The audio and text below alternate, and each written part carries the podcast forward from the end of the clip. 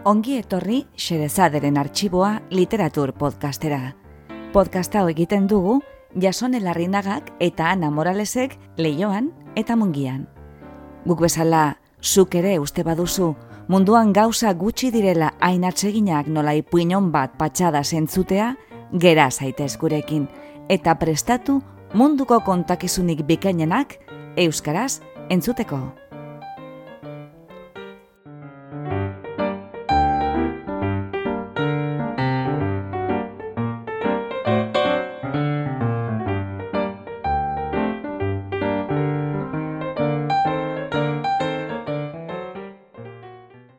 Gaur, xerezaderen arxiboan, sinematografoko atsoa. Egilea, Vicente Blasco Ibáñez. Izultzailea, Ana Morales. Gure itzordura orain arte batu diren idazleen artetik, ez dira falta izan obraren bat edo beste zine pantailara egokitu izan zaien autoreak.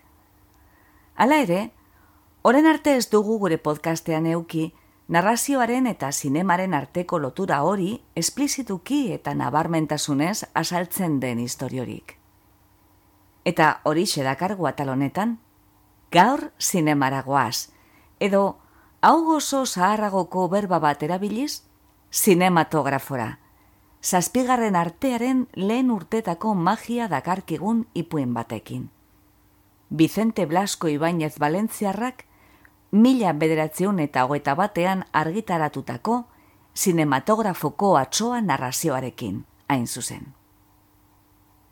Vicente Blasco Ibáñez, Valentzian jaio zen mila sortzireun eta irurogeta zazpian, eta Mantongen, Frantzian, hil zen erbesteraturik, mila beratzeun eta hogeta sortzian. Haren izena, ezagunagoa egingo zaie egualdeko entzulei behar bada, edo berrogeta mar urtetik gorakoei bederen. Hogei garren mendearen larogeiko amarkadan, alako revival labur bat izan zuen, haren lanetako batzuk berrargitaratu zirelako eta telebistara eraman zirelako Espainiako kate publikoan. Gogoratzen Laraina Negra liburukotea, edo Kaina Zibarro eta Labarraka telesailak, Valentziako albuferan girotuak, Haietan ikusi zituen lehen aldi xerezadek abortuaren eta infantizidioaren gaiak eslatuta. Gaur egun, Blasko Ibainez berriz ere ahaztu dagoela ematen du. Eta harrigarria dirudi, kontuan hartuta bere garaian izan zuen sona itzela eta arrakasta eta itzal ikaragarriak, bai Espainiako estatuan eta bai nazioartean. Bere nobelek alimaleko salmentak izan zituzten, eta haietako bi Hollywoodeko film hiper arrakastatzu bihurtu ziren. Areago, Blasco Ibañezi esker bihurtu zen izar Rodolfo Valentino mitikoa, ez gehiago eta ez gutxiago. Eta ez dakit zenbat idazlek esan dezaketen hau, baina Blasco Ibañez bere herrira, Valentziara, itzuli zenean mila bedatzion eta goeta batean, estatu batuetan bira izugarri arrakastatzua egin ostean, bere erkideek arrera jendetzua egin zioten kaleetatik, karrozen kabalgata eta guzti. Txapelketa bat irabazi duen futbol talde bat balitz bezala. Gaur egun, autorearen gaineko informazioa bilatuzkero, toki gehienetan, laro gita masortziko belaunaldikoa zela irakurtzen da, baina orain dela berrogei urteko Espainiako literaturako testu liburuetan adibidez, etzen ala, eta izan ere, ezen apena zaipatzen haren izena. Nola azaldu hori? Francisco Fusterrek arrazoi estetikoak eta politikoak aipatzen ditu azaltzeko zergatik ignoratu zuen hogeigarren mendeko kritikak Blasko Ibainez. Batetik, estilo eta gaiei dagokienez, Blasko gertuago eizegoen bere aurreko belaunaldiaren errealismo eta naturalismotik, larogeta mazortzikoen estoikotasunetik baino. Eta bestetik, bere garaikideak ziren larogeta mazortziko idazleak ez bezala, Blasko Ibainez asko implikatu zen politikan eta bere garaiko arazo sozialetan. Ekintza gizona izan zen beti, placer salea, bizizalea eta borrokalaria bizitza osoan. Antimonarkiko porrokatua, errepublikazalea morratua eta antiklerikal komentzitua izan zen, eta zen isilik geratzeko apreseski. Al zuen modu guztietan adierazi zuen, haus eta idatziz, prentza artikuluetan, liburuetan, mitinetan eta Madrilgo gorteetan diputatu eserlekutik. Agitatzailea eta islari sutsua eta bikaina izen, eta masak borbor jartzen nahi zituen. Bere aktivismo politikoa zela eta, hogeta mar bat aldiz ezagutu zuen kartzela eta pare bat aldiz erbestea, Frantzian eta Italian.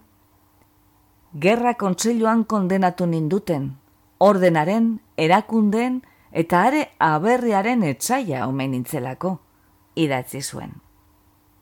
Blanko aginaga kritikariak zioen, larogeta mazortziko belaunaldikoa izan zela, belaunaldi horren gaztaroan, Espainiako gizarteko balio tradizionalen aurka matxinatzen zenean mende aldaketaren sasoian, baina ez berriz, belaunaldi horren helduaroan, haren integranteak, apolitikoak, kakotxartean, edo intelektual puruak, kakotxartean, bihurtu zirenean.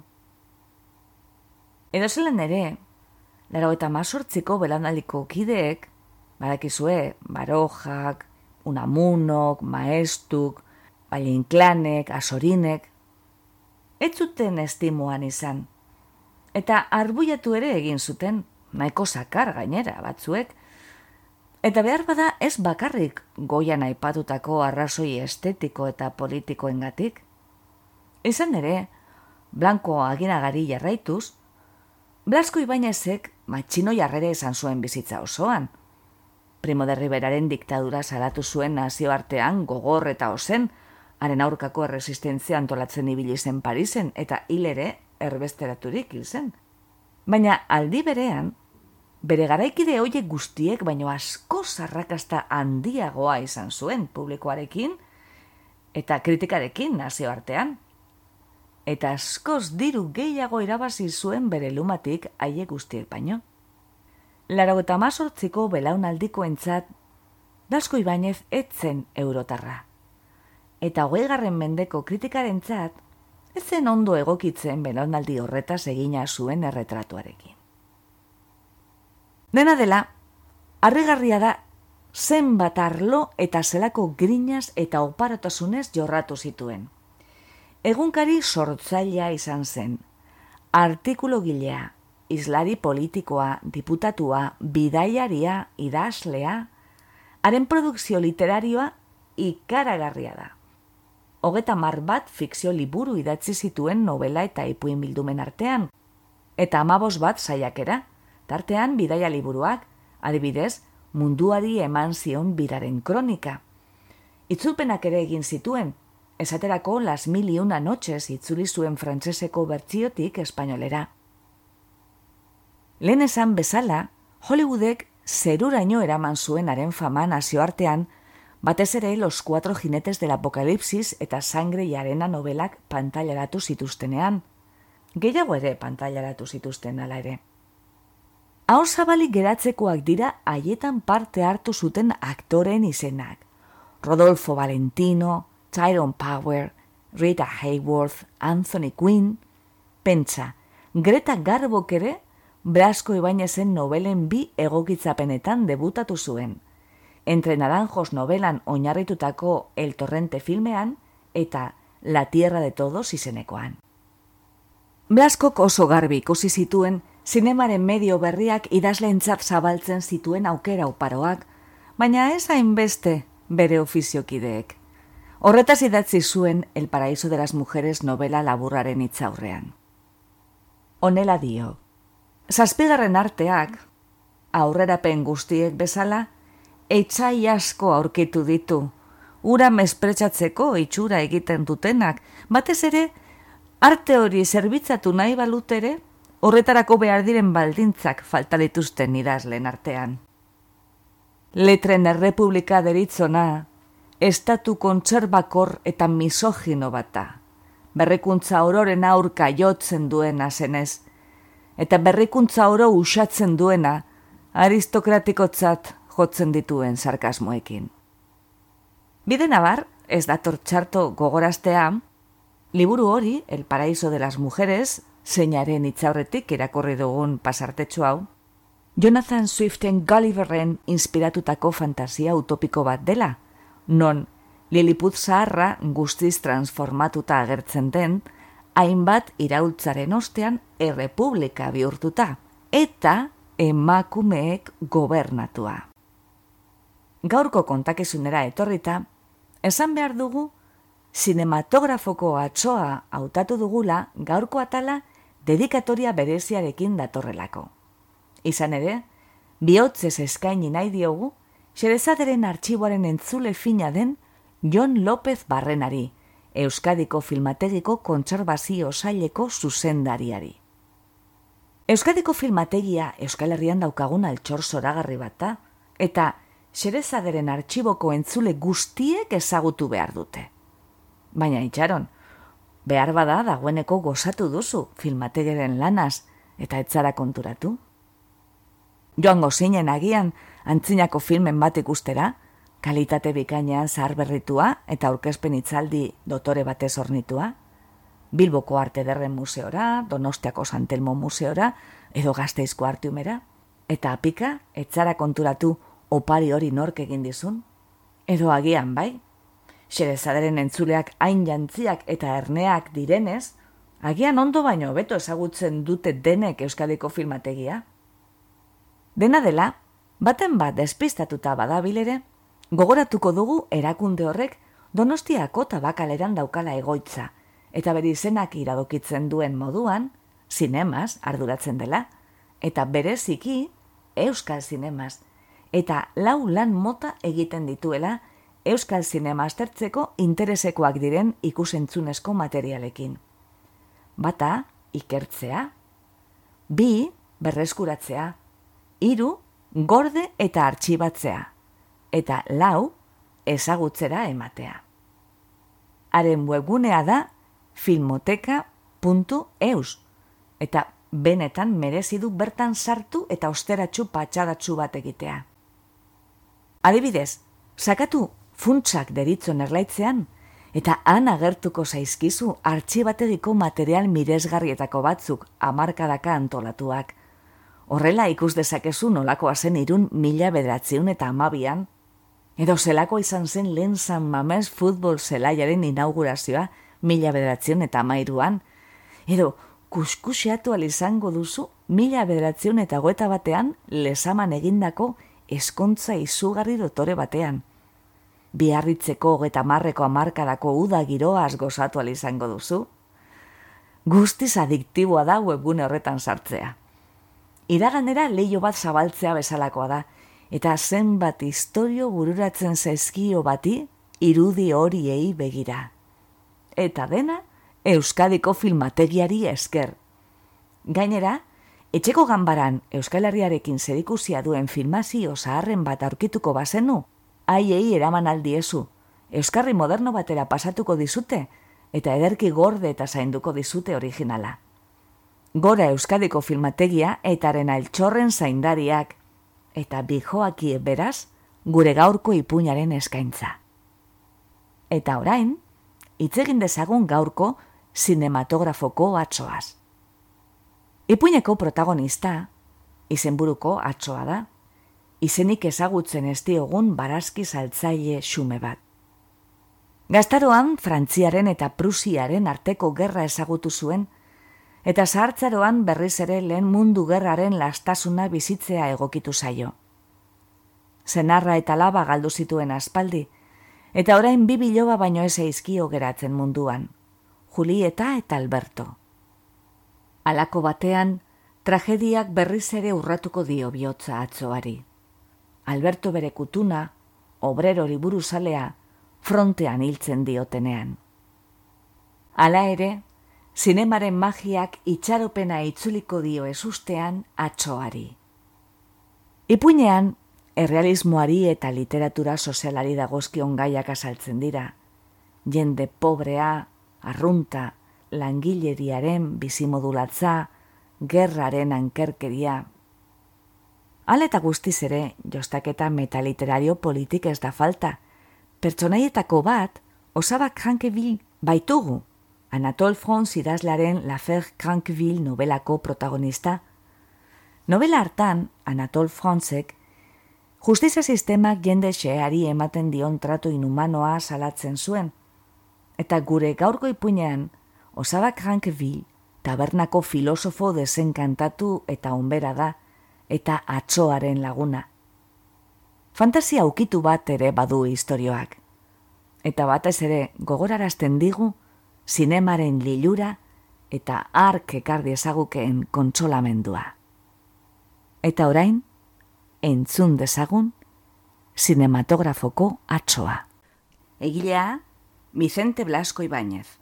Izultzailea, Ana Morales. Bat.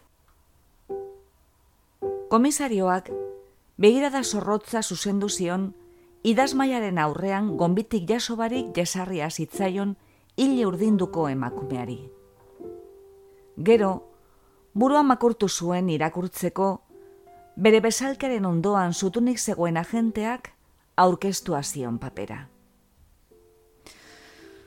eskandalua sinematografo batean. Esan zuen, irakurriala. Irainak agintariei, erasoa jente bati, zer daukazu alegatzeko? Atsoa, ordurarte isilik egona baitzen komisarioari eta aremenpekoari zuzen begira behar bada ikusi barik, Arridura asko zirkin bat egin zuen, esnatu balitz legez. Nik, komisario jauna, barazkiak saltzen ditut goizetan piken. Ena ez dendakoa. Urditxo batean eramaten ditut barazkiak. Hauzoko guztiek ezagutzen naute. Badira berrogei urte bertan daukadala nire saltoki biltaria eta funtzionarioak eten gura izan zion, baina Andrea aserretu egin zen. Komisario jaunak ez dit berba egiten usten eta bakoitzak alduen moduan adirazten ditu gauzak eta bere adimenduak usten dion moduan erantzuten du. Komisarioa bezaukiko beso batean bermatu zen, eta begiak goratuz, gutunak zabaltzeko aiztoarekin jolasten hasi zen. Oituta zegoen, jarduna inoiz amaitzen ez hitzaien gaizkile berbatzuekin. Pazientzia. Mila sortziron eta irurogeta marrean, beste gerraren denboran, jarraitu zuen atsoak. Nik, hogeita bi urte nituen. Nire zenarra guardia nazionala izan zen Parisko zetioan, eta ni kantinera haren batalloian. Prusiarren aurkako irtenaldietako batean zauritu egin zuten nire gizona, eta nik bizia salbatu nion. Gero, gogor egin behar izan nuen lan zenar elbarritua eta alaba bakarra aurrera ateratzeko. Nire zenarra eil egin zen. Alaba ere hil zitzaidan, bibilo bautzita. isilune bat egin zuen konturatzeko ia entzuten ari ziren. Ez zuen ziur jakin. Agentea zurrun eta isilik zegoen, soldadu hon bat bezala, komisarioaren ondoan.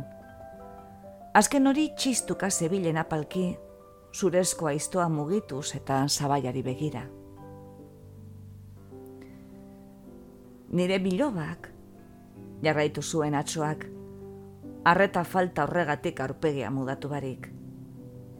Julieta du izena. Dantza egiten du antzokietan, sona handia du. Komisario jaunak askotan ikusi behar izan du haren erretratua periodikoetan eta kantoietako afixetan. Oso noizetik noizera baino ez dut topatzen. Goiz batez, nire eskorga sakatzen ninduala, iaia zapaldo egin ninduen aran automobilak horrek negarrez jarri zuen, ziurtatzen zuela neure errua zela, nik ez dudalako berarekin bizitzera joan nahi, eta tematzen aizelako barazkia saltzen jarraitzen. Julieta eta beren neba txikiak zirenean bezala. Bakoitza den modukoa da. Niri, pobrea naizen arren, ez ez gustatzen artisten bizimodua.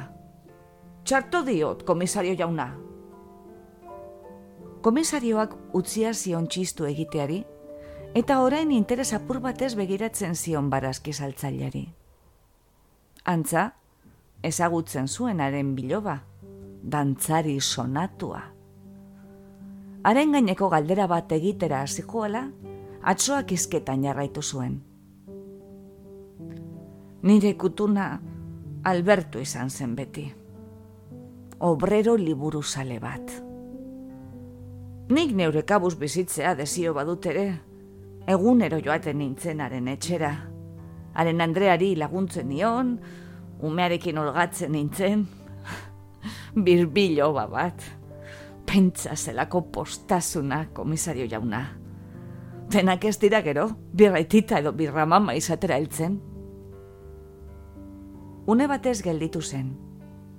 Oroitzapen estiek liluratua bezala.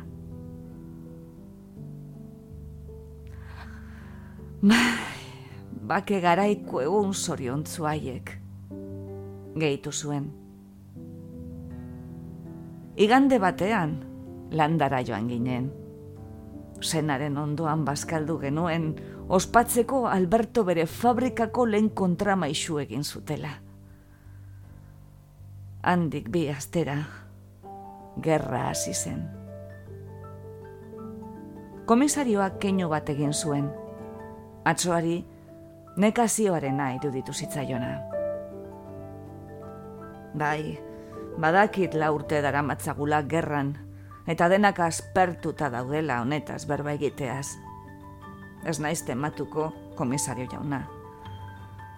Esan didate antzokietan eta periodikoetan ere nekatuta daudela gerraz eta haren abenturez.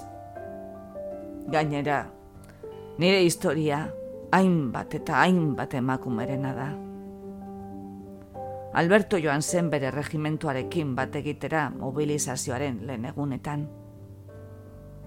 Enuen ikusi urte bete garren erarte. Itzuli zenean frontetik soldadu jantzita.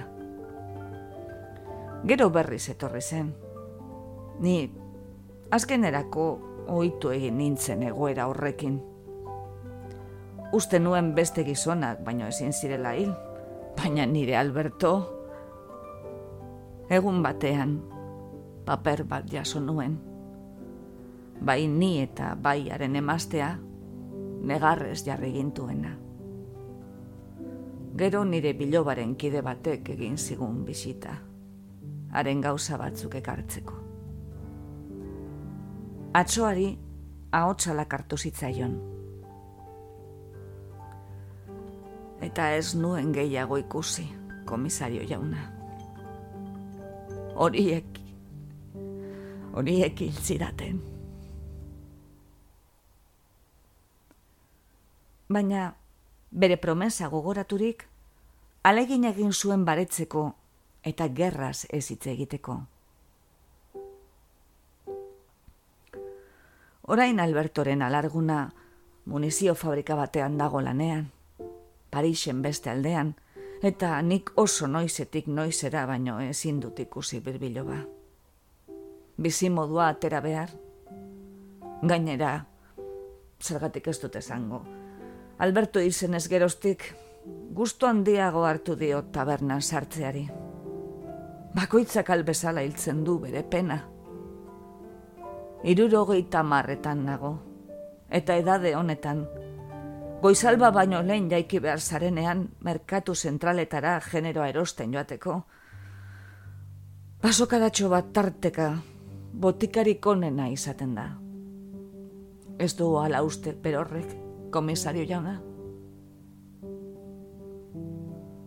Aipatutakoaren isiltasunak erakutsi gure izan zion atsoari zein lekuz kanpokoa zen bere galdera. Baina ark izketan jarraitu zuen, nolabaiteko bizitasun batez, kontakizunaren satirik interesgarriena urbil zegoen seinale. Gaur iluntzean, tabernan izan naiz osabak janke bilekin.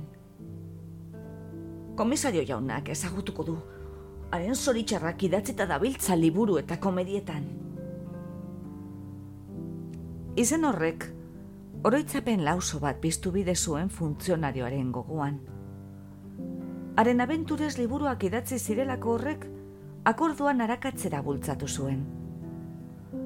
Gero, sorbalda goratu eta zinez gogortasun keino bat egin zuen. Haren historia, jarraitu zuen atsoak, Anatol delako jaun batek idatzi du. Zenaren bestaldean lan egiten duenak, jakintzuen lantegi batean. Kupula dun palazio bat da, eta bertan errezetak ematen dituzte jende aberatzak ondo hitz egiten ikastezan. Komisarioa agondo egin zen bezalkian, harridurak bultzatuta. Zenaren ertzeko jakintzuen lantegi ura, salantzarik gabe, akademia frantsesa zen, etxe kupuladuna, institutoa. Eta Anatol delako hori, Anatol Franz beste inor ezin ziteken izan. Baina, osabak jankibi benetakoa da? Galdetu zuen zinez gogor. Hogeita mar urte zagutzen dudala jauna. Auzo desberdinetan saltzen dugu, baina goizaldero ikusten dugu elkar erosketak egitean, eta gau ez taberna berean elkartzen gara berriz. Koitadu bat. Orain txarto da bizkio kontuak. Lan gutxi egiten du. Keiegi daki.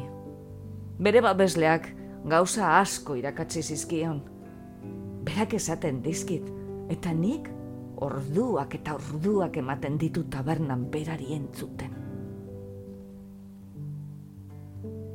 Isilune bat egin zuen kontakizunari berri zeldu aurretik utzia zuen lekuan. diot, tabernan elkartu garela iruntzean. Gero, bederatziak aldera joan egin gara, eta zergatik ez dakidala, sinematografo bateko ataren aurrean geratu naiz, sartzeko gogoaz. Kartel batek erakarri nau, erakusten zuenak Andre Alsaziar oso eder bat, berburua aleman basati baten gantik defendatzen. Nik, gogotik maite ditutalako istorioak. Oso abertzalea naiz. Behar bada, bigerra ikusitakoa naizelako. Baina ez dezagun gerraz berba egin. Osabak jankifik ez du sartu gure izan, eta hori neu nintzela ordaintzen. Egia esan, ez dakiz gustatzen zaion. Denak ateratzen dio airego ibeleko irribarre bat bakarrik sartu naiz. Eta okerreko oina sartu ere, antza. Ez daki komisari jaunak zelan batzuetan denateratzen zaigun oker, eta gustua eman gura dugunean, ofenditu egiten dugun jendea, deabru batek gidatuko bagintu legetxe? Komisarioak ez zuen erantzuteko adeirik egin. Azerrekuntza izan dut txarteldegiko Andrearekin, txampon bat ona ala txarra ote zen. Okazinoa izan dut txartelak batzen dituen gizonarekin ere, Andrearen alde atera delako. Barruan, aretoan, sorte txar berbera. Nire hilarako auzoak kexatu egin dira, bortitzegi sartu naizela esanez. Borondate txarra euren aldetik, nire etzait eta gustatzen inorien barazu egitea. Andre miskin bat, nigandik gertu, hausartu da esatera, ardo usaina nuela. Beste gizon lotzabako batek, nire zabalera kaipatu ditu, duda eginez jasarlekoan sartuko oten nintzen.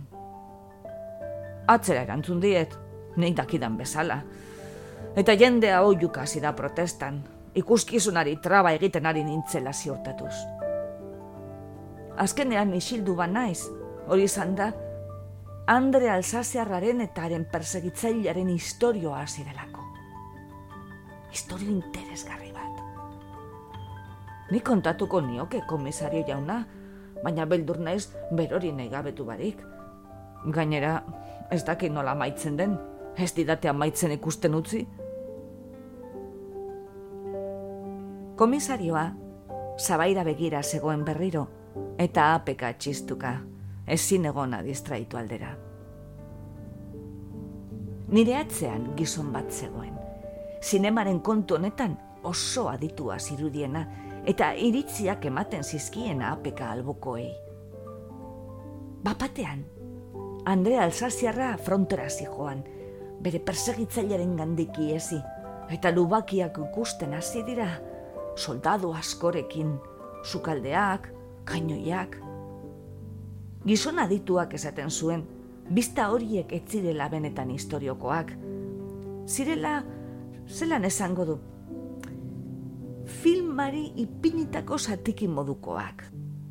Ondo azaltzen nabil, komisario una. Gerratik aprobetsatutako gauzazarrak. Arropari adabakiak nola ipintzen zezkion txura hobea mateko? Ba, alako zerbait. Baina nik horretaz ez dakit. Eta biztak pikainak iruditu zaizkit. Papatean, lubaki baten barrualdea azaldu da teloian, eta soldadu asko atzeden hartzen. Bat, gutun bat idazten zebilen belaunen gainean, publikoari bizkarra eman da. Apurka purka, burua giratu eta irribarre egin dio jendeari. Nik zalantza egin dut, txarto ikusten ari nintzelakoan. Gero, antza, oiu egin dut, neure pilo bazen. Zutitu egin nahi zobeto ikusteko. Neure Albertoren gana joan gure izan dut. Behar bada bortitzegi pasatu naiz jende artean. Publikoak antza pentsatu du nire fartzaren bat zela. Eta enplegatuak etorri dira eta ikusle askok bidea itxiridate. Saiatu naiz hitz egiten eta ez didate utzi. Ez dituzten nire altzalpenak entzuna izan. Uste zuten boskortuta nengoela. Azkenean, ukabilkada maitu dut aterantz bultzatzen indutenekin. Hemen dagoen agente honi deitu diote. Diote irain egin dio dala, hainka egin dio dala eskuan. Ez dakizelan egin alizan dudan, agian burutik egin da nengoen une hartan. Egia da gizon honek sakakadaka eraman nahuela, niri entzun gure izan barik ez didala utzi nire Alberto ikusten jarraitzen. Isilune luze bat egin zuen. Begiak bustitzen hasi zitzaizkion. Eta jarraitu zuen atsoak. Horrela aurkitu dut nire biloba berriz ere. Barkamena eskatzen diot komisario jaunari. Barkamena eskatzen diot agente jaunari. Burua makurtu zuen, eskuak batu eta lurrera begiratu zuen.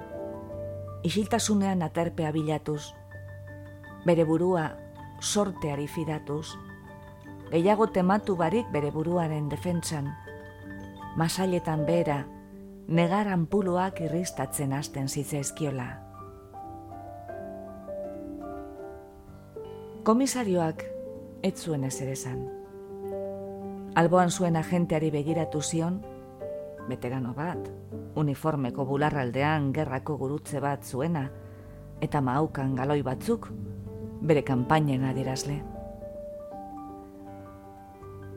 Berak ere begiratu zion bere nagusiari. Ordurartea asalda gaitz egona zen, baina orain, oska egin zion zenbait aldiz bibote mardulari. Gizon biek elkarria ditu bide zioten begiradaz. Komisarioak agenteari itzuli zion, zinematografoan gertatutako eskandaluaz ordu erdilenago eitxaron gelan idatzia zuen partea. Veteranoak, hitzik esan gabe, txiki-txiki egin zuen papera joan zaitezke emakumea. Komisarioaren ahotsak bere baitatik atera zuen Andrea. Egia haute zen joaten utziko ziotela? Bai jaun honak. Eta sinematografora itzuli izango naiz? Gehitu zuen antziaz. Utziko didate nire txikia ikusten gauero? Bigizonek barregin zioten sinplekeriari, bai esko keinoa eginez. Astiro irten zen komisaldegitik. Etzen komeni iesean ikus esaten konsientzia loi duen alegez. Baina kalera heltzean, inor zelata ez zuela ziurtatuta, gonak batu eta korrikari ekin zion gaztearen harintasunaz. Haren aurpegi zimurtua zabaldu egin zen, nekearekin arnaz estuka. Ile urdinak nahasian irtetzen zitzaizkion burua biltzen zion puntuzko painelutik. Sinematografora heldu zenean, azken ikusle taldeak irteten ari ziren.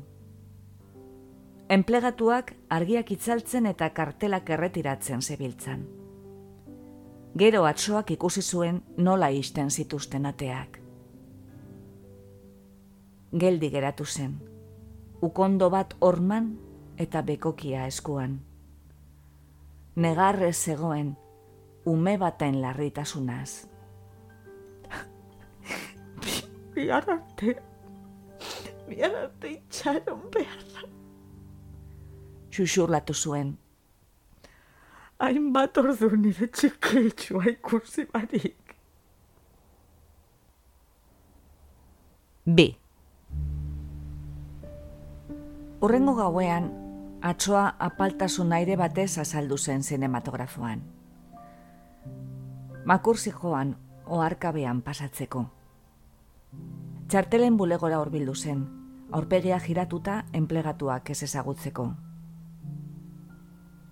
Baina atea zaintzen zuen gizona beraren gana joan zen lasterka.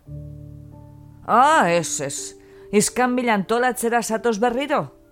Zuretzat ez dago zarrerarik. Utzi pasatzen ene jauna. Zinde izut oso zentzuzkoa izango naizela. Ume baten ez ditasunaz mintzo zen, eta enplegatuak barregin zuen azkenean, txarteldegiko Andreak bezala. Atsoak eskerronez agurtu zituen biak, pasatzen utziko ziotela ikustean.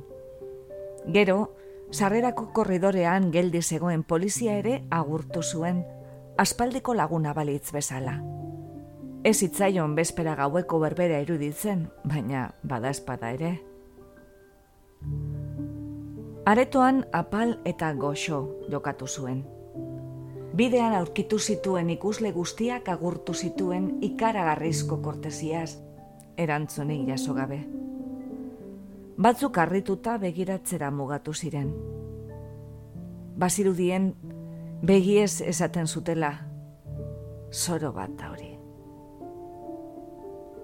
Jesarlekoan bil-bil egin zen, eta saiatu zen alik eta toki gutxiena hartzen, alboko traba egiteko beldurrez. Hasieran behin eta berriro itzuli zuen burua ikusteko sinematografoko enplegatuak bera zaintzen ari ote ziren eta haien honezpena jasotzeko. Baina laster ikuskizunak errealitatea ahaztu arazizion. Alemana alsaziarrari jarraika hasia zitzaion, eta novela sinematografikoaren abentura komplikatuak mixe zuriaren gainean garatzen ari ziren. Gero lubakiak azaldu ziren, eta soldadua gutuna idazten bizkarra emanda, eta burua publikoaren gana giratzean, aurpegia erakutsi zuen. Alberto! Alberto! Atsoak alin maleko esfortzua egin behar izan zuen bere buruari eusteko. Oiu hori estarrira ino igotzen zitzaion estertore mingarriekin. Baina aurreko gauean bezala ikusleak asaldatzeko ideiaren aurrean dardarka jarri zen. Lokaletik bidaliko zuten betiko, ezin esango zuen bere soldadua gehiago ikusi. beldurrak bere buruari eutxiara zizion, eta unkidura zaratatsua malkotan desegin zitzaion. Bere bularra askatzeko, hauts apala palas mintzo zen, gorputzaren barrualderantz edatzen zen hauts batez. Begin egartsuek, mihizean gertatzen zen guztia, debozioz begi esten jarraitzen zuten bitartean. Alberto, neure txikia, neu naiz, amama, ez nauzu ezagutzen. Kauero etorriko naizu ikustera, kauero. Urrengo emanaldian, negar gutxiago egin zuen. Irtetean, ateko gizonarekin mintzatu zen nola baiteko urbiltasunaz, bera ere, etxekoa balitz bezala. Ikusi dozu zein ondo egiten duen lan nire bilobak. Eta enplegatuak, ordurako historioa zenbait aldiz entzuna baitzuen kasu handirik egin gabe, bekokira eraman zuen atzamarra, txarteldegiko Andreari begiratuz. Biek elkaru lartu zuten, gauza bera dirazten zuen irribarre batez. Burutik dago, guztiz burutik eginda. Gau hartan, atzoak apenas egin zuen lo. Artega zuen kontzientzia. Bereko jutsa zen. Bere aurkikuntzaren zorion guztia beretzat gordetzen. Bere amamaz gainera, Albertok bazuen beste norbait bizien munduan. Urrengo goizean, presaka saldu zituen barazkiak, irabaziari kontu egin barik, eta berekideek baino askoz lehenago gorde zuen bere orgatxoa. Metroak Parisko kanpokaldean jarri zuen. Paisaia grisaska idor batean ikusi zuen bere burua, lantegi ketsuekin eta langileak bizi ziren adreiluzko etxeekin, kartzelak bezain triste. Etxe bizitza horietako bateko atesainarekin hitz egin zuen. Atsoaren birbiloba eskolan zegoen, eta Albertoren Andrea fabrikan zegoen lanean. Gero fabrika horretara joan zen eta jagoleak, gizon elbarritu batek, bidea itxizion. Debekatuta sartzea. Begiluzerik etzen onartzen lantegietan, obusak torneatzen baitziren bertan. Baina atsoak, atearen markoari egoskor josita, emakume batzuk ikusi izan zituen urrundik patioetan atzera eta aurrera, beren lanaren jirabiretan, guztiak ere praka zabalak jantzita, txirrindulariak palira bezala. Ia barre egin zuen arriduraz, konturatu zenean, mutiko txiki eta argal moduko batek, galtza urdin zabalak zeramatzanak, bertan bera usten zuela bultzatzen zebilen orgatila, altzairu txirloarez betea, berari urrundik agur egiteko. Albertoren emaztea zen.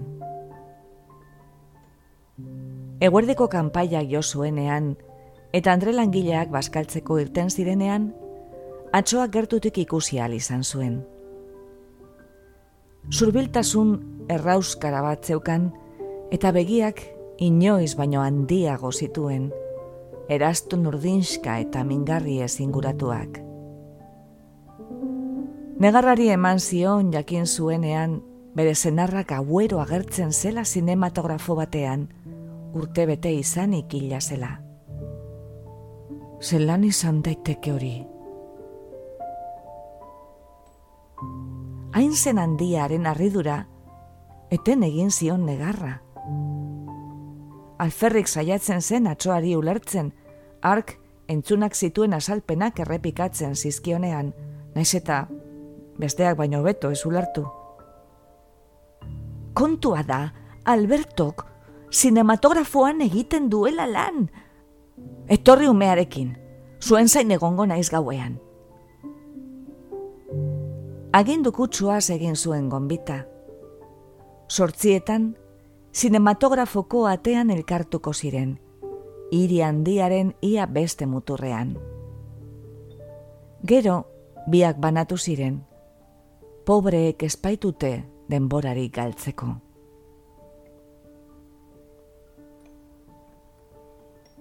Atsoak ordu orduan heltzen ikusi zituen. Alargunak, basar batean erositako soineko txobeltz bat zeraman. Mutikoa, bere arroparik onena jantzita joan, eta paje baten moduan orrastuta. Andre langileak, txarteldegira joatekoa egiten zuela ikustean, atsoak galarazi egin zion. Zer da hori, hemen neuk ordaintzen dut. Oso estimatuan haute, etxeko modukoan naiz. Eta bere konfiantza erakusteko, txantxetan ibili zen txartel saltzailearekin.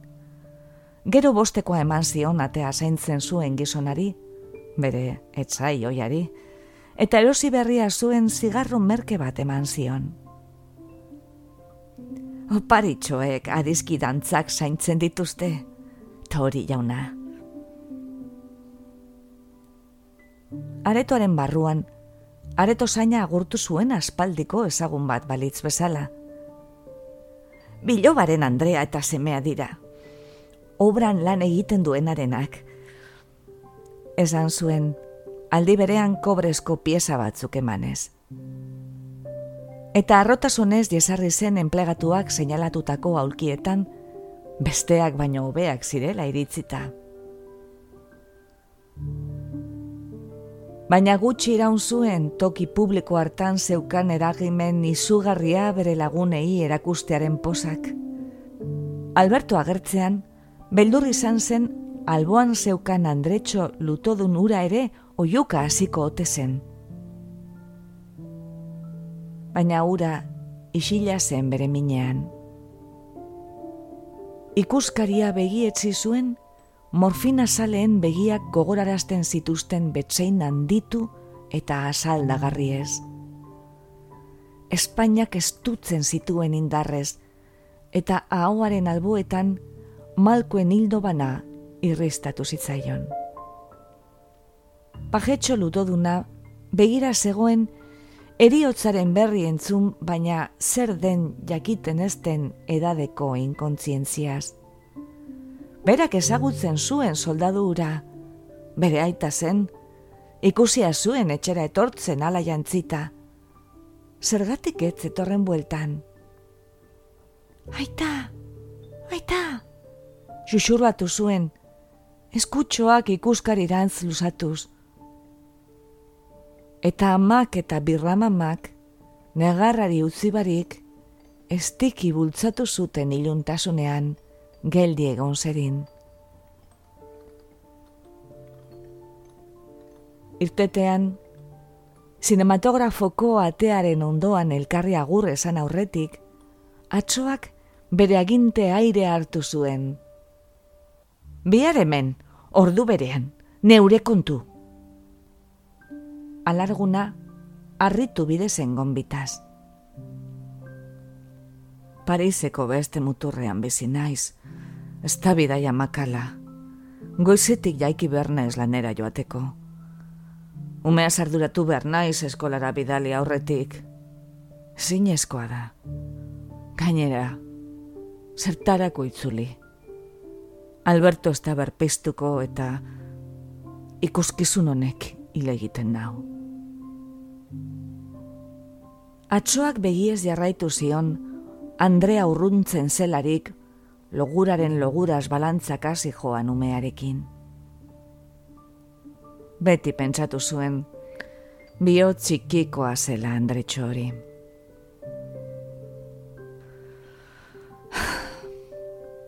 Neun naiz, Albertos benetan akordatzen den bakarra. Urrengo egun osoan, triste eta umore txarreko ibile zen. Iluntzean, osadak janke bilekin elkartu zen tabernan. Marazki saltzaile filosofoak berba gutxi egiten bazuen ere, eta pertsonen eta gauzen artean, haietaz kezkatu barik pasatzen bazen ere, interesa sortu bide zitzaion bere kamarada zaharraren egintzen inguruan. Bea ibila zitzaion atsoari isilka. Baziren egun batzuk, beste makume batzela. Diru asko gastatzen zuen, mundu guztia konbidatzen zuen.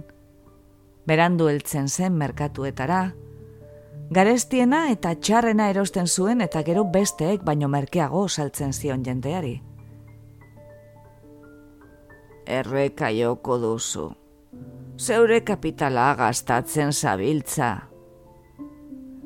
Baina holkoak orabera, jarraitu zuen edaten atzoak eskaini gure izan zizkion basoka da guztiak. Sortzietan, Andrea ezin egonez jarri zen. Agur, kankebi.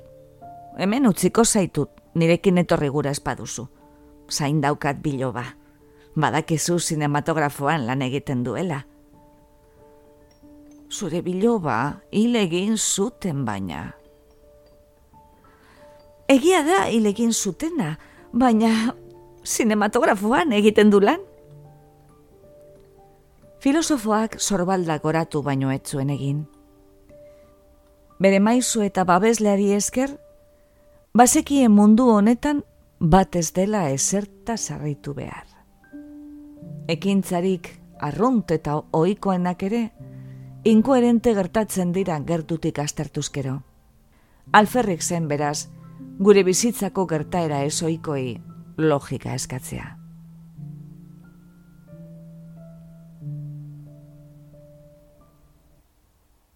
Iru.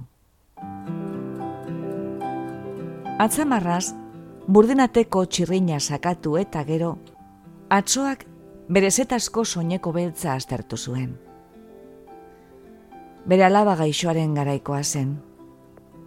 Atzoak berak mostua eta albaindua zen. Baina hasierako itxuratik gutxi geratzen zitzaion bere existentzia luzean zehar izandako moldaketa guztien ostean. aitortu zuen txarto ere etzegoela.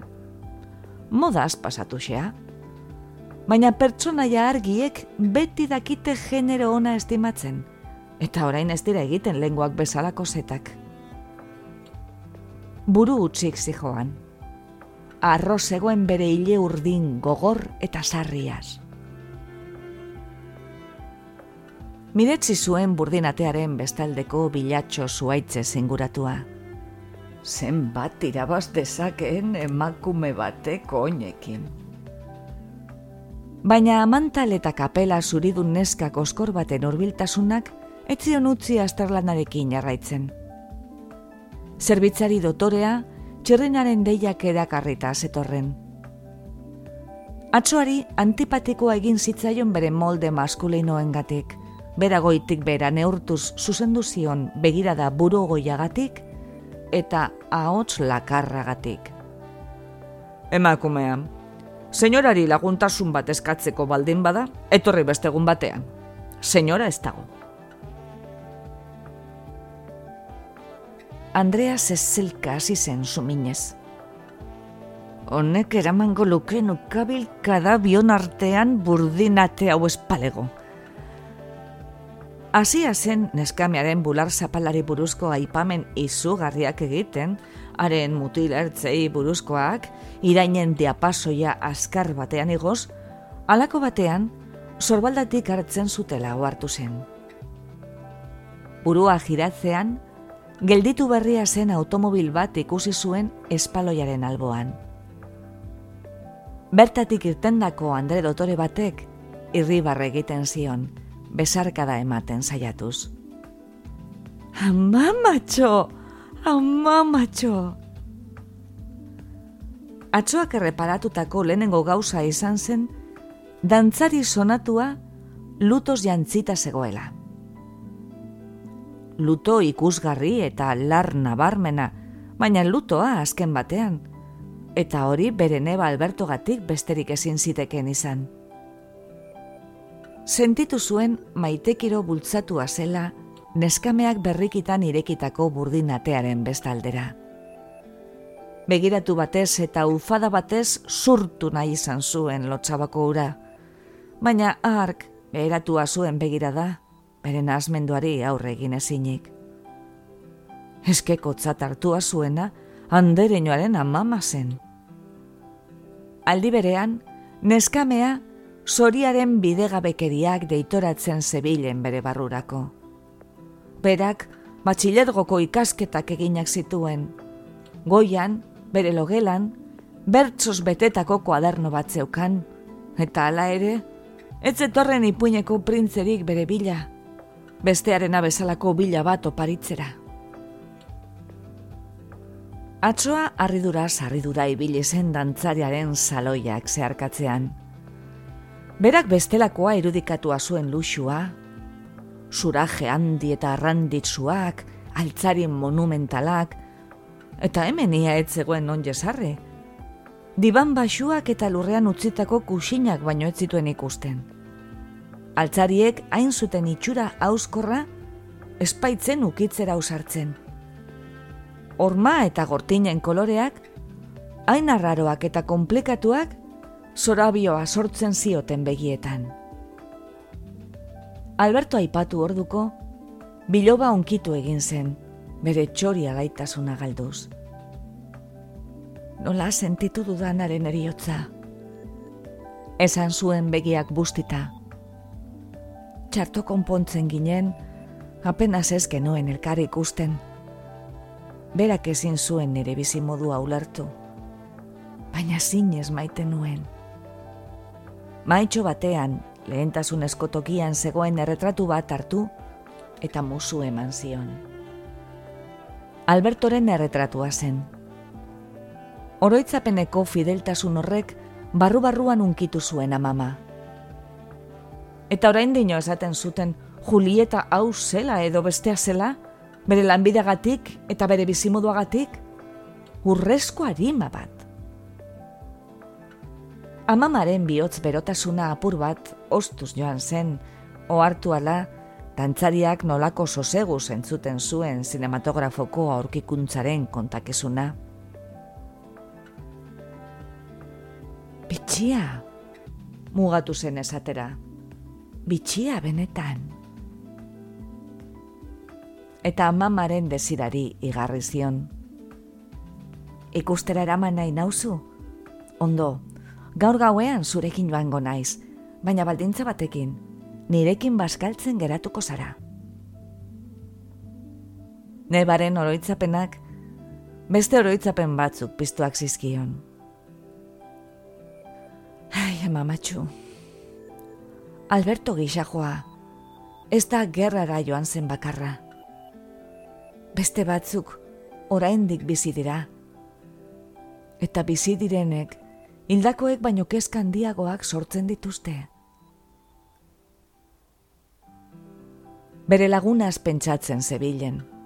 Barazki saltzaileak inoiz ikusi ez zuen, baina jendearen esamesen arabera, azkenean Julietarekin eskonduko zen gazte aberats batez. ezin izan zuten berbak gehiagorik egin. Tearen ordua zen, eta senyoraren andre lagunak heltzen hasi ziren.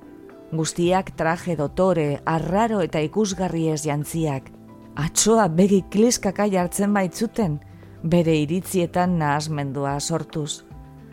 Batzuek, beren bestimendu apartak gora bera, inbidia zioten Julietaren lutoari haietako bat urrunago joan zen bere gurariak adieraztean. Bai suertea familian hildako bat izatea. Beltzak hain ondo ematen du? Denek erretzen zuten.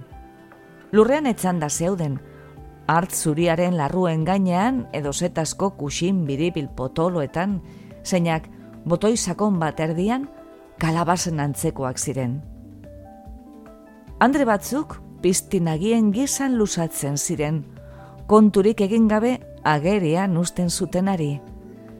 Beste batzuk, masaile zurra belaunetan bermatuta zeuden jesarrita, hankak bezarkaturik. Tea lurrean zegoen, zilarrezko erretilu handi baten gainean, non alkoldun kriseiluak bere gangar urdin ia ikusi zina astintzen zuen. Julietak ausarki aurkestu zien atsoa lagunei. Ona gure amamatxua. Goizero barazkiak saltzen ditu gulupiken. Ni arro nago neure arbazo ez, soldado gurutzatuen biloba baten moduan. Andre Barrio Erokorra Gero, pixkanaka, atsoa zahaztuz joan ziren. Berak joan egin nahi zuen. Ez zituena alako ohitura gustuko, baina alde berean, biloba ofenditzeko beldur zen. Tentuz pasatu zen aulki zaulki, iez egin gura duen eskatila baten antzera, eta horrela, jangelaraino heldu zen. Han, adorea bildu zuen, eta, sutunduta, alboko korridore batetik menturatu zen disimulorik gabe. Ia estropezu egin zuen eskamearekin, egon gelarako bidean baitzik joan, terako urbero gehiagorekin. Atsoak ufada errukigape batez agurtu zuen. Mari pimpirina, motza! Irain goren horren ostean, harinago sentitu zen, eta eskailera batzuk jaisten hasi zen, sukaldea aurkitu arte. Bertan miretzi zuen gehiago, bilobaren ongizatea saloietan baino. Ango parotasuna, zenbat lapiko astroak baino distirantago. Sukaldariak ohoreak egin zizkion bere lurraldeetan mai gainean botila bat eta bi edalontzi jarriz. Osorik edan zuten, beren pena kontatzen. Gero, erretratu bat atera zuen sukaldariak, musua eman eta bizitariari erakutsi zion. Nire semea mendia iztaria da, deabru urdina esaten diotena eta bosge mendietan dabil. Atsoak ere, gutxiago ez izateko, soldadu erretratu bat atera zuen bularpetik. Nire biloba, hil egin zuten, baina orain, sinematografo batean egiten du lan gauero. Zukaldaria urduri mugitu zen jesarlekoan, begiak asko zabalduz. Dudabarik, atzo ura burutik zegoen, neskameak esan zion bezala. Baina isildu egin zen, senyoraren amama zelako. Barazki saltzailea baskal ordur arte geratu zen paradisu hartan, haren bikaintasunak miresten.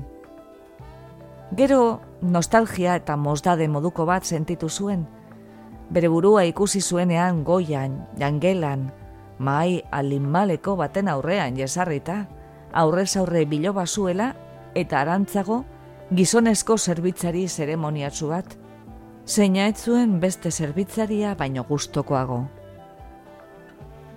gutiziak miresten zituen, aitortuz egundu etzuela hain ondoian, baina lehen bailen amaitzeko irrika zegoen. Sutondoaren gaineko orloiurantz begiratu zuen, sortziak inguru ziren. Ez izan presariek amamatxu, denbora dago, segituan eramango gaitu automobilak. Bapatean, astrapala bila osoan, txirrinak joka, neskame antipatikoaren arridura alarauak, atedan batekoak, gizona hotzak. Neskamea harineketan sartu zen. Andrea, jauna da! Ez zuen gehiago esan, baina atzoak dena igarri zuen. Jauna, pertsona bakarra izan zitekeen. Eta ikusi zuen, abiadore uniforme dun gazte lerden bat salapartan sartzen, uriola baten moduan. Etzen asko aurreratu behar izan, dantzaria ziztuan joan baitzen bere besoetan gordetzera. Apur bat lehenago, Julieta beraz egona zen berbetan, tristuraz. Ze hilabete ziren etzuela ikusten. Ezinezkoa izen une haietan lizentzia bat lortzea. Abiadoreak azalpenak eman zituen, ahotsetenaz. Baimen bat ez ustean, egiteko azkar bat Parisen, hogeita la ordu baino ez. Gizonak ezin izan zuen berbetan jarraitu. Biak elkarren besoetan zeuden, beren posaren estandekin balantzaka. Isiltasuna urratzen hasi zen, xampain tapoikadak bezalako musu zen eta eskandalagarri ez. Atsoa zutitu zen, bekosko dun eta serio. Han, soberan zegoen pertsona bat, etzuen inok esaterik behar. Atsoa erteten ikustean, Julieta besoa multzuetatik askatu zen, beraren gana lasterka joanez azalpenak ematera. Ikusten duzu, hogeita lau ordurako baino ez da etorri. Gaur, ezinezkoa da beste egun batean. Bizi direnei egin behar zaiekazu. Atzoak kale izostu eta beltzaren bakardadean ikusi zuen bere burua. Gauargiek, kaputxaturik aire erasoak zirela eta, orain ez zuten balio beren argi erradio txikiarekin, goibeldura orokorra areagotzeko baino. Bidean zijoala, atzoak itzen errepikaz laguntzen zion pausoari, letania batez bezala. Bizitzak bizi egin nahi du, biziak bizi egin behar dira. Ai, hildakoari, hildakoak, harinago doazi ez dibizia paino. Denek abandonatzen zituzten hildakoak. Zinematografoaren aretoan ere, eskertxar bera aurkitu zuen. Gau hortan, hogei bat lagun baino ez zeuden. Auzo zinematografo netako publikoa, dagoeneko nekatuta zegoen Andre Alsaziar jasarriaren abenturez, denek ezagutzen zutenaren historioa. Atzoak, jarlekoa hartu zuen, ikuskizun bat beretzat pakarrik emanarazi duen monarka baten maiestatearekin. Biloba asaltzean, ahapeka mintzatu zitzaion, ez Gabon nire txikia. Denek abandonatzen zaituzte, denek astu zaituzte. Horrelakoa da bizitza, baina ez izan beldurrik. Amamak ez zaitu inoiz utziko. Hemen txeukiko nauzu gauero, gauero. Lau. Albistea, eguerditik aurrera hasi zen zabaltzen, lauso eta zalantzati. Bakea, bake itun egin dute! Baina hainbat aldi zentzuna zen hori bera, gero gauzatua ikusi gabe, atzoak etzuen sinetzi albistea. Arratsalde erdirako, denak zeuden bete-betean egia zela. Gobernuak armistizioa iragarri zuen, etxaiek eskatuta. Barazki saltzaileak, jende uolde batek inguratua aurkitu zuen bere burua bapatean. Parisen erdigunerantz bide joan bera ere errestan eramanez. Guztiak bezala, bera ere pose zoratzen ageri zen. Guztiak bezala, aldarri egiten zuen. Gaua iritzi arte, ametsetako bizimodua izan zuen.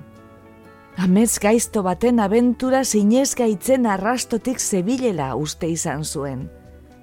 Baina amets gaizto hau atsegina zen, eta haren elarnioak ez zituen izuak sortzen, biziposak paino. Concordia plazan ikusi zuen bere burua.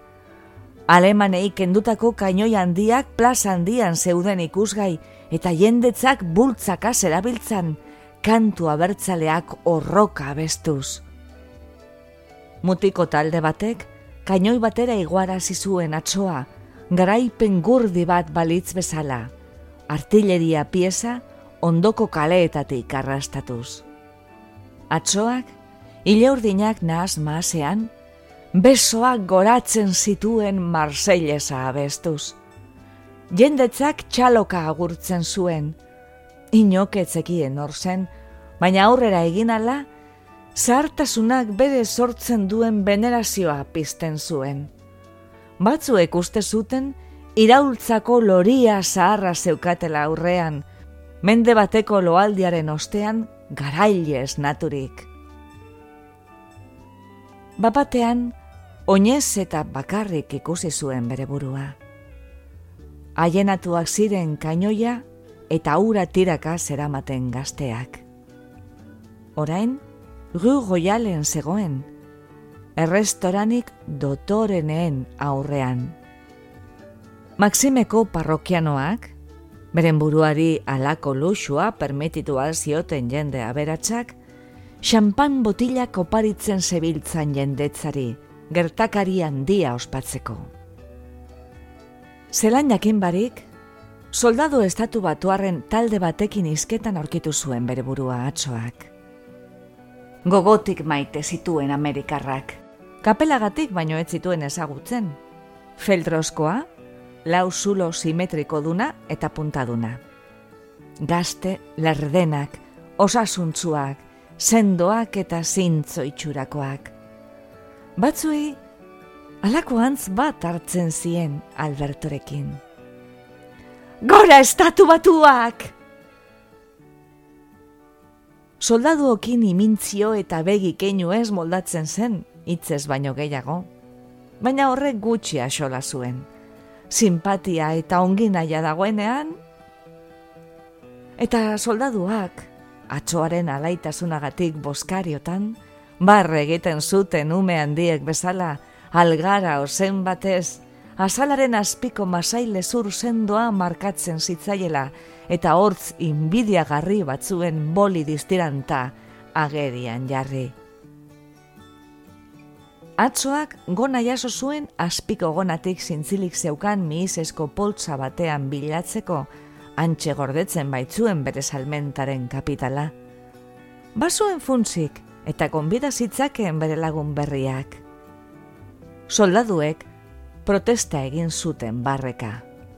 Andre bati gonbitik onartu, haien artetik frantsesez ondo egiten zuen bakarrak protesta laia sarrapostu zuen.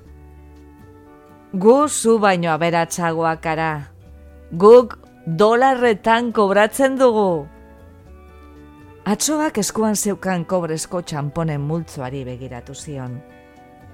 Sentimoak besterik ez. Baina ze asola zuen. Neure etxean zaudete eta neu konbidatuko zaituztet. Ez ez esaten badidazue, negarrez azteko kapaz naiz gero kafetegi batean sartu ziren. Eta ordu erdi batez, kapela puntadun soldadu sendoak edaten egon ziren, atxo alaiaren berba eta keinu ez algaraka. Gero, uniforme desberdinak zeramatzaten beste herrialde batzuetako gizonekin edaten ikusi zuen bere burua, eta baita soldadu frantsesekin ere, zeinek, soramen orokorra gora bera, keinu iluna gordetzen zuten urteetan eta urteetan lusatutako amez gaizto izugarri batetik guztiz esnatu gabeko gizonak legez. Iluntzean, atsoan ekatuta sentitu zen. Jendetza aura guztia gainetik pasatu zitzaiola zirudien, milaka kolpe hartu zituela uste zuen. Zenak aginduta, bere ausunera joan zen mantso ibiliz, oina sarrastaka ia. Baina nekea gora bera, bere haotza erantzi zien bidian aurkitu zituen talde guztien aldarriei. Atxedenaren premiak eta oiturak tabernara eraman zuten. Han zegoen Hank Vig, bakarrik eta isilik, edalontzi utz baten aurrean jesarrita, basoaren onduari triste begira.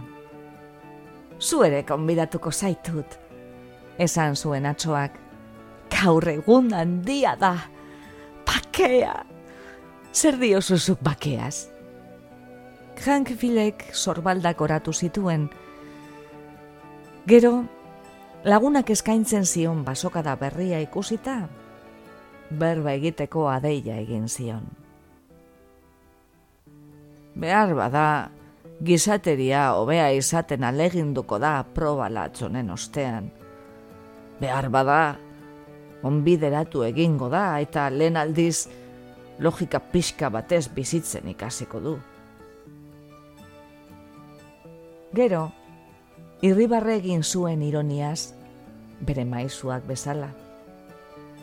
Betiereko dudak menderaturik sentitzen zen, eta honela jarraitu zuen. Naiz eta inok ezin duen ziurtatu gesateriak gaixo honek merezi duen onbideratzea eta norbait bere torkizuna arduratzea. Handik luze, atzoak guradi berri baten erakarpena sentitu zuen. Sinematografoko areto ilunaz eta bere bizitak gogoratu zituen gutiziaz, zerutarrak iruditzen zitzaizkion eta Bai zoriona, bertan bi ordu zegotea, jesarleko eroso batean, bere bilobarekin mentalki solasean. Alberto Gixajoak, ez zuen oraindik jakingo Paris eta mundu osoa unkiturik zuen albiste handia, berak jakinaraziko zion. Agur, kankebi, biloba daukat zain, Gixajoaren ez dago festarik, gauero bezala egingo du lan gaur ere. Filosofo ibiltariak, ordurako nartua baitzuen berekidearen ameskeri asko bizitza, arirako ikusi zuen aholku batzuk ematea. Zeure burua hiltzen zabiltza.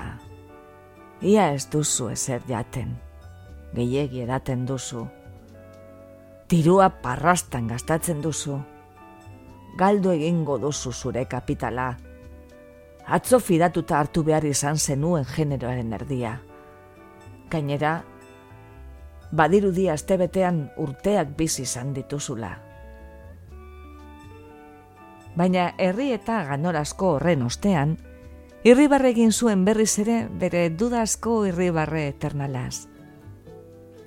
Tira ba, horrela divertitzen bazara, horretan zorion aurkitzen baduzu. Atzoa, harineketan joan zen sinematograforantz, hanka sorgortuek ia eusten espazioten ere. Han, areto atseginean, atseden hartuko zuen eroso. Kaleak ilun zeuden oraindik, aireko mehatxu ez betetako gerrak hauetan bezala. Baina jendetzak taldeak osatzen zituen musika tresnak entzuten ziren eta bapateko dantzak sortzen ziren bide gurutzeetan. Sinematografoaren atarian sartzean, atea zaintzen zuen enplegatua beraren gana joan zen alai. Gora bakea, mama! Gero, garrantzi gutxiko zerbait gogoratuz bezala, gehitu zuen. Zure bilabak jadanik ez du lan egiten, amaitu egin da, berria da dena, baina merezi du ikuskizunak. Zer? Atsoak ormaren kontra bermatuta zuen bizkarra, zurbil-zurbil zegoen, begiak ezin irekiago. Enplegatua, azalpenak ematen hasi zen esklamazio larritu horri erantzuteko. Zazpiegun igaro dira, goiti berako programa aldaketa. Publikoa nekatuta zegoen Alsaziako neskaren eta alemanaren historioaz. Orain, makearekin, beste gauza batzuk eman beharko dira. Gerra konturik ez. Astu egin beharra dago. Postu egin beharra dago. Sartu, gaur film amerikar bat daukagu. Parre horroz lertzekoa. Atsoak, balantza egin zuen hanken gainean, Moskor otzanaren astoramendu goxua, supituki joan abazitzaion ere. gehiago ikusiko. Ez dut, ez dut gehiago ikusiko. Esan zuen aieneka. Gero, esaldi batean labur bildu zuen bere txipena. Bigarren ez date. Sinematografora zetorren jendea, lurrera erortzean zegoen Andre aitu honen inguruan pilatu zen. Enplegatua, errukiz eta atean jendea pila etzedin, atsoa posten alegindu zen. Gora bihotzak, mama! Ez aizu bururatuko gaur hiltzea, hain egun zoriontzuan. Zergatik eta programa aldatu dugulako. Gainera, gainera... Txarteldegiko Andreari egunkari bat eskatu zion eta harineketan astertzen hasi zen, oin puntetan jarri zabaitik zintzilik zegoen lanpararen argia hobeto harrapatzeko. Aldi berean zerbait murduskatzen zebilen. Ia ba, non baita eman behar dute azaziarraren historio txotxol hori. Al nolaka egindako film txar bat, adabak izapailatua. Segurutik, bosgarren mailako sinematografoetan egongo da. Horixe, ona hemen. Eta atxoari zuzenduz, kale baten eta sinematografo baten izenak eman zizkion. Urrun xamara, mama, genelen, Parisen bestaldean, baina metro hartuzkero, bertan aurketuko duzu zure biloba aste betez. Ezen atzoaz gehiago gogoratu, eta programa berriak erakarrita sartzen eta irteten zebilen publikoaz arduratzen jarraitu zuen. Atzoak kalean ikusi zuen berriz ere bere burua. Ideia bakarra zeukan. Hilegin didate. Pentsatu zuen denek barre egiten duten egun honetan. Begarren ez hiltidate. Borrokalari ilun eta umilaren borondatek ementzua berragertu zitzaion. Bertan, hila zuten, baina beste leku batean berpiztuko zen. Beraren gana joan behar zen. Bere kapitala gordetzen zituen oialesko poltsa bilatu zuen gonapean. Eskumako eskuaz, utza baino ez zuen aurkitu. Miak eta tematien ostean, kobrezko txampon batzuk atera ziren argitara bere atzamarren artean. Guztira, berrogeita mar sentimo. Geneleko sinematografo ez ezagun hartan, sarrera bat erosteko adina baino ez zeukan. Ez itzaion metroko txartelerako diruri geratzen. Arratsaldeko abentura zaratatzuetan gastatua zuen dena. Oinez joan beharko zen. Eta hain zegoen urrun, hain urrun. Pentsamendu txar batek bekokia simurtu zion limosna eskatuko banu. Gaur, boskario eguna da denentzat. Nita zerrukituko dira, hain zahar, hain nekatuta ikustean. Baina, nekazioak bera, tentetu egin zen, arrotasun minduaren keinu batez. Etzuen sekura kalean eskatu, eta irorogeita mar urterekin, berandu egizen azteko. Ikusi egin behar dut, ikusteko premia daukat. Kantzazioak, bulebarreko bi arbolaren arteko banku batean erorara zizuen. Kafetegi eta tabernetako ateek distira egiten zuten labe hauen moduan ilun antzean. Musika desberdinak diskordantzia alaian nahazten ziren. Bikote amultzuak pasatzen ziren, iluntasunean galduz. Urruneko herrialdetako gerlariak, beso batez emakume baten gerria inguratzen. Hain urrun, hain urrun. Jarraitu zuen atzoak asperenka Bapatean, soldadu bat ikusi zuen berari irribarrez. Soldadu zuri-zuri bat, kaskotik zapata lodietaraino. Haren gorputzean zehar, arbolak ikusten ziren, ondoko bankua, pasatzen zen jendea, kristaleskoa zirudien, kesotileskoa, bitz fin-fineskoa. Soldaduak keinuak egin zizkion berari jarraitzeko, eta atsoak kasu egiten ziola ikusi zuenean, oinez hasi zen. Ai, neure hankak. Ezin dut aurrera jarraitu. Kilometroak dira. Ez naiz inoiz eduko. Beste banku batean utzi zuen bere burua jausten, eta soldadu gardena gelditu egin zen, beraren gana, aurpegi ilun bat giratuz, etxipenak ilundua. Ez goi beldu ba, jakingo bazen ozen nekatuta nagoen, baina amamak etzaitu sekul abandonatuko.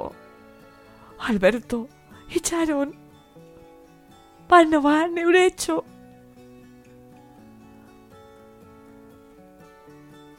Eta alimaleko esfortzua eginik, jaiki egin zen, eta mamuaren xerka jarraitu zuen, kale amaiezin, beltz, izostuetan barrena.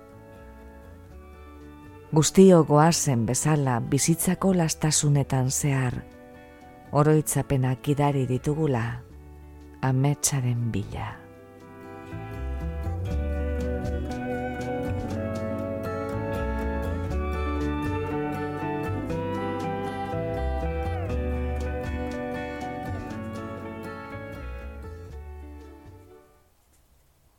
Entzun duzu, sinematografoko atsoa.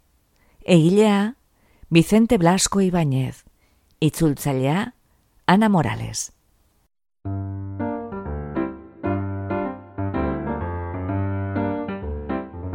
Xerezaderen artxiboko atal bat entzun duzu.